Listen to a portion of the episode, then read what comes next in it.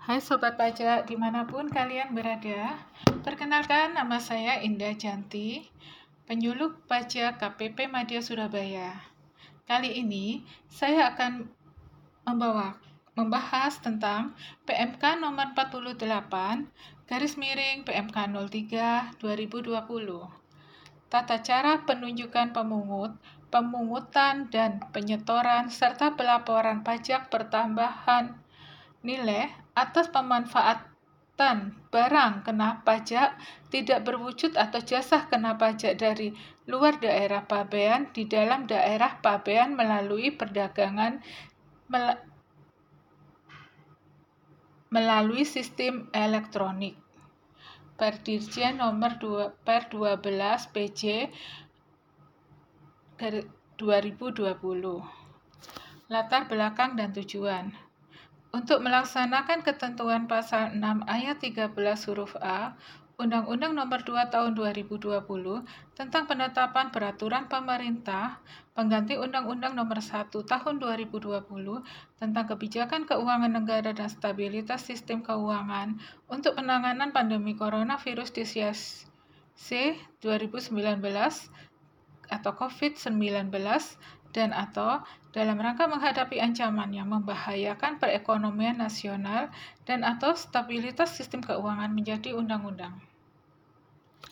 Tujuan memberikan kepastian hukum untuk melakukan pemungutan pajak pertambahan nilai atas pemanfaatan barang kena pajak tidak berwujud dan atau jasa kena pajak dari luar pabean di dalam daerah pabean melalui perdagangan melalui sistem elektronik PMSE.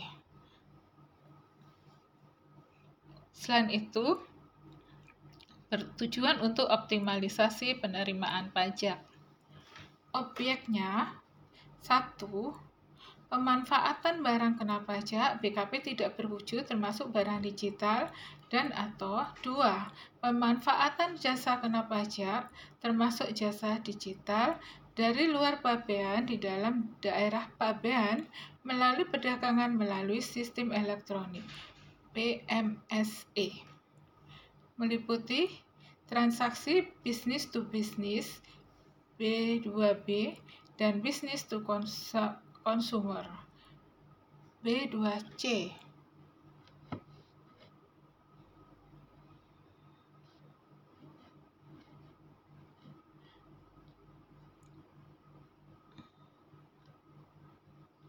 Pemanfaatan BKP tidak berwujud. Penggunaan atau hak menggunakan hak cipta di bidang kesusastraan, kesenian, dan karya ilmiah, paten, desain, atau model, rencana, formula, atau proses rahasia, merek dagang, atau bentuk hak kekayaan intelektual industrial atau hak serupa lainnya. Penggunaan hak menggunakan peralatan, perangkat perlengkapan industri, komersial, dan atau ilmiah. Penggunaan pengetahuan atau informasi di bidang ilmiah, teknikal industri, atau komersial memanfaatkan terkait hal-hal di atas berupa penerimaan atau hak menerima rekaman gambar rekaman suara keduanya yang disalurkan kepada masyarakat melalui satelit, kabel serat optik, dan atau teknologi yang serupa penggunaan atau hak menggunakan rekaman gambar, rekaman suara keduanya untuk siaran televisi, radio yang disiarkan dipancarkan melalui satelit, kabel optik atau teknologi yang serupa. Penggunaan atau hak menggunakan sebagian atau seluruh spektrum radio komunikasi. Penggunaan atau hak menggunakan film gambar, hidup motion picture films atau film atau pita radio untuk siaran televisi atau pita suara untuk siaran radio. Perolehan seluruhnya sebagai atau sebagian hak yang berkenaan dengan penggunaan dan pemberian hak kekayaan intelektual, industrial, atau hak-hak lain sebagaimana hal tersebut di atas. Pembeli penerima jasa Pembeli merupakan orang pribadi atau badan yang memenuhi kriteria bertempat tinggal atau berkedudukan di Indonesia. Alamat korespondensi atau penagihan pembeli terletak berlokasi berada di Indonesia. Pemilihan negara saat registrasi di laman dan atau sistem yang disediakan atau ditentukan oleh pemungut PEPN PMSI adalah Indonesia. Melakukan pembayaran menggunakan fasilitas debit, kredit, atau fasilitas pembayaran lainnya yang disediakan oleh institusi di Indonesia. Bertransaksi menggunakan alamat internet protokol di Indonesia atau menggunakan nomor telepon dengan kode telepon di negara Indonesia. Uh, di sini subjek pemungut PPN PMSE. Siapa saja subjek pemungut PPN PMSE adalah pelaku usaha PMSE yang terdiri dari pedagang luar negeri, penyedia jasa luar negeri, penyelenggara PMSE luar negeri atau penyelenggara PMSE dalam negeri yang ditunjuk Menteri Keuangan yang disebut pemungut PPN PMSE. Bagaimana penunjukan sebagai pemungut PPN PN PMSE dilimpahkan oleh Menteri Keuangan kepada Dirjen Pajak. Penunjukan pemungut PPN PMSE dilakukan dengan menerbitkan dirjen dan mulai berlaku awal bulan berikutnya setelah tanggal penetapan cap dirjen penunjukan. Pemungut PPN PMSE diberikan fasilitas nomor identitas perpajakan sebagai sarana administrasi perpajakan, diterbitkan SKT dan nomor kartu identitas identitas perpajakan. Pelaku usaha PMSE yang belum ditunjuk sebagai pemungut PPN PMSE tetapi memilih untuk ditunjuk dapat menyampaikan pemberitahuan kepada DJP. Dapat melalui email di, atau portal PMSE. Dijen pajak dapat mencabut penunjukan sebagai pemungut PM, PPN PMSE dalam dalam hal tidak memenuhi kriteria untuk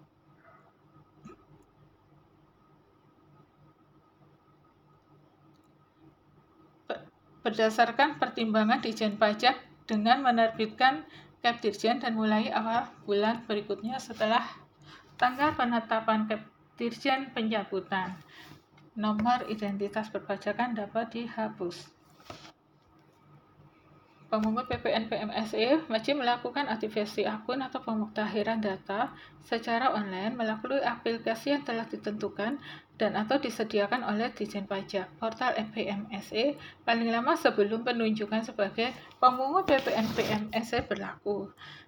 Pemungut PPN PMSE yang telah melakukan aktivitas aktivasi dapat menggunakan portal PMSE untuk melaksanakan hal hak dan memenuhi kewajibannya sebagai pemungut PPN PMSE.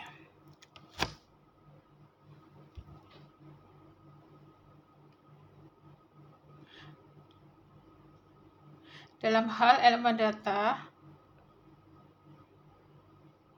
dalam Capdirjen menunjukkan Berbeda dengan adanya keadaan sebenarnya, pemungut PPN PMSI menyampaikan pemberitahuan kepada Dijen Pajak dapat disampaikan melalui email atau portal PMSI.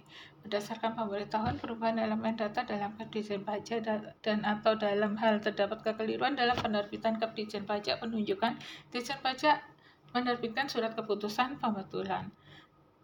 Penunjukan sebagai pemungut PPN PMSE tetap berlaku.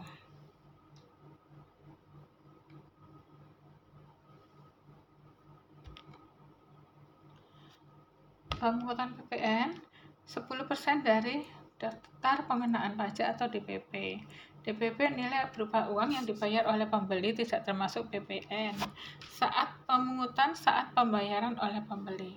Perlakuan pemungutan PPN transaksi yang dilakukan oleh penjual yang ditunjuk sebagai pemungut PPN PMSE secara langsung kepada pembeli.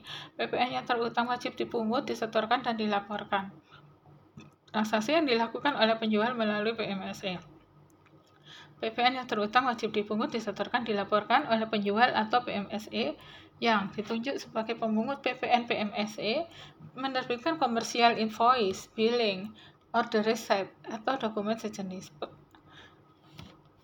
Selanjutnya, pemanfaatan BKP yang tidak berwujud atau JKP dari dua daerah pabean di dalam daerah pabean melalui PMSE yang tidak dipungut PPN sebagaimana yang dimaksud di atas. PPN yang terhutang wajib dipungut, disetorkan, dilaporkan sendiri oleh pembeli sesuai dengan ketentuan pasal 3A Undang-Undang PPN. Pihak yang terlibat dalam PMSE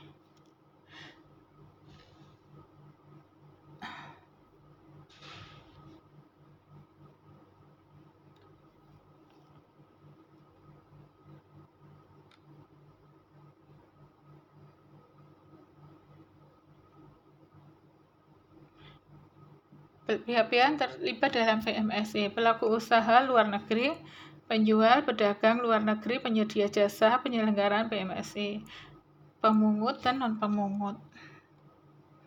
PMSEDN pemungut, PPMSEDN non-pemungut. Skema transaksinya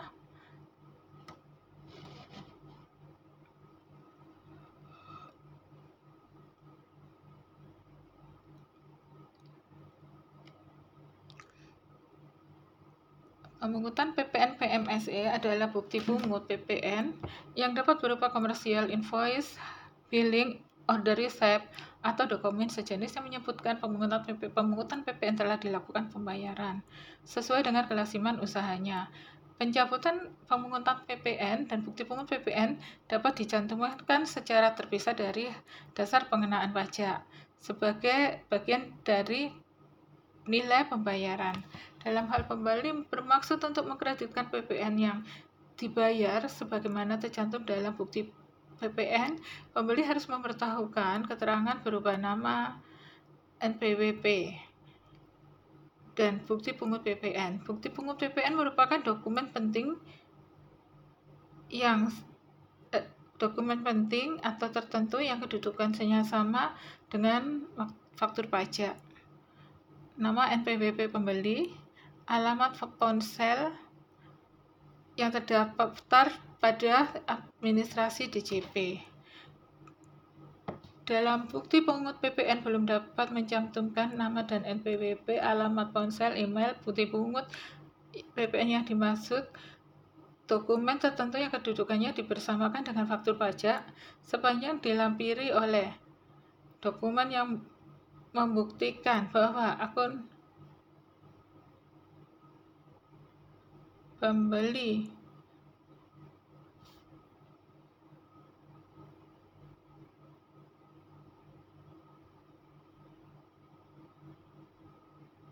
Pada sistem elektronik pemungut PMSE memuat nama NPWP pembeli atau alamat ponsel email terdaftar di menu administrasi DJP.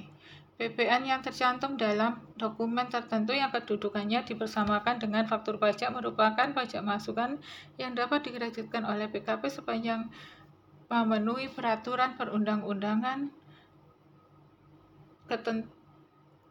di bidang perpajakan.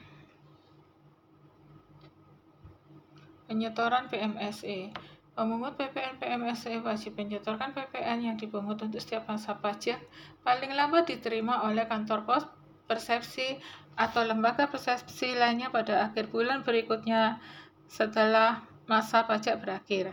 Penyetoran PPN yang dipungut dilakukan dengan menggunakan billing DJP.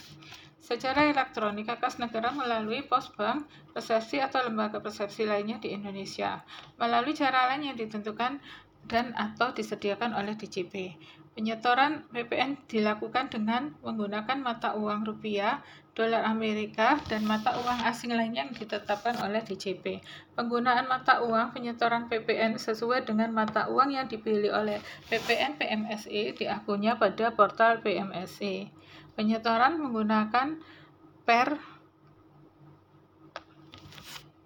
19 PJ 2020 tentang kode akun pajak, tentang kode setoran. Penyetoran PPN diakui sebagai pelunasan kewajiban sesuai dengan tanggal setor yang tertera dalam bukti penerimaannya.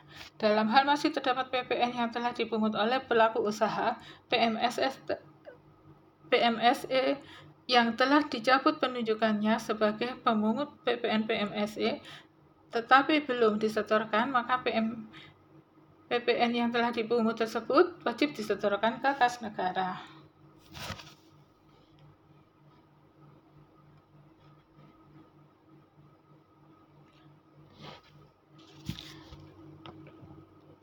Pelaporan dan PPN tribulanan. Pelapor jadi kita sudah ke tahap pelaporan PPN tribulanan. Pemungut PPN PMSE wajib melaporkan PPN yang dipungut dan setelah disetor secara triwulanan untuk periode 3 masa pajak paling lama akhir bulan berikutnya setelah periode triwulan berakhir. Periode triwulan antara lain terdiri Januari, Maret, April, Juni, Juli, September, Oktober sampai dengan Desember. Laporan triwulanan paling sedikit memuat jumlah pembeli, jumlah pembayaran atau nilai transaksi yang tidak termasuk PPN, jumlah PPN yang dipungut, dan jumlah PPN yang disetor untuk setiap masa pajak. Apabila dalam suatu masa terdapat kelebihan PPN yang dikompensasikan berasal dari triwulanan sebelumnya, laporan triwulanan yang memuat jumlah kelebihan PPN yang dikompensasikan dan periode triwulan terjadinya kelebihan PPN yang dikompensasikan. Laporan rincian tahunan menggunakan mata uang yang dipilih pemungut PMSE, bahasa Indonesia dan atau bahasa Inggris. Apabila setelah laporan triwulan dilaporkan diketahui terdapat kekurangan PPH dan atau kelebihan PPH, pemungut PPN wajib melakukan pembetulan laporan triwulan yang bersangkutan. Laporan yang triwulan diperlakukan sebagai SPT masa PPN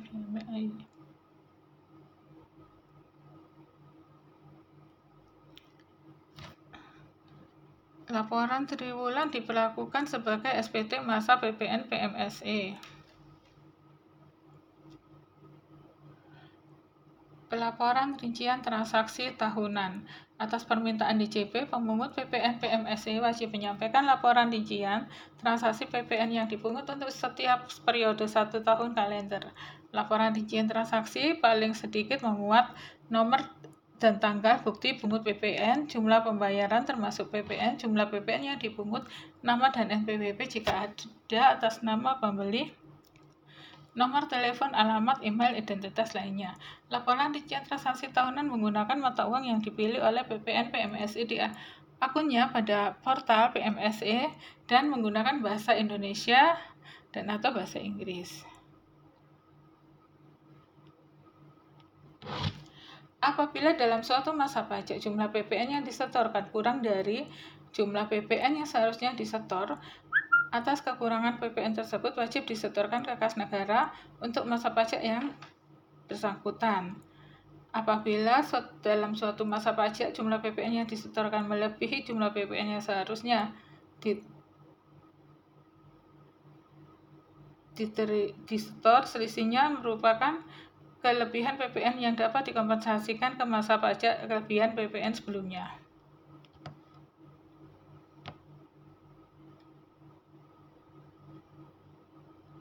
PPN yang telah dipungut untuk masa pajak Januari 2021 adalah 5 juta dan telah disetor pada tanggal 25 Februari.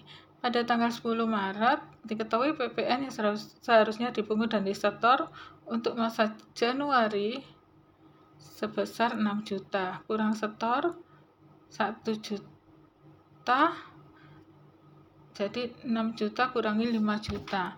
Pemungut PPN PMSE menyetorkan sesuai dengan ketentuan yang berlaku.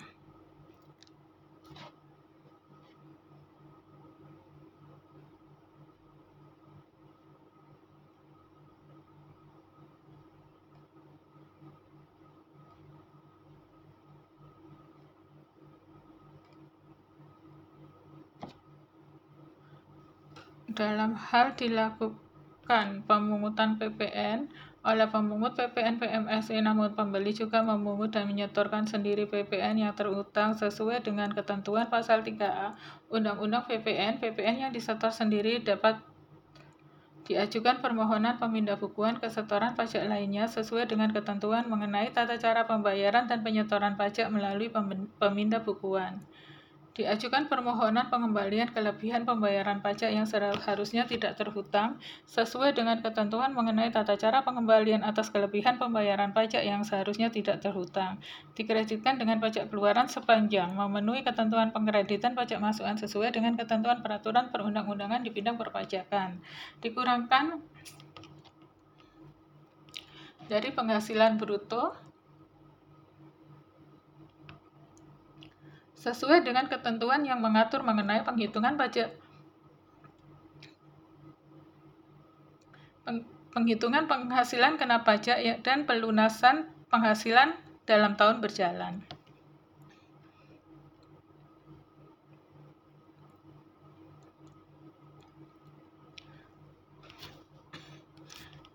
Pengujian pajak masukan. Dalam hal diperlukan pengujian terhadap pajak masukan yang dikreditkan oleh PKP dalam pelaksanaan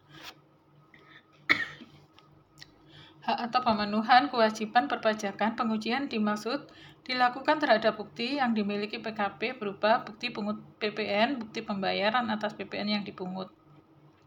Mulai berlaku 1 Juli 2020.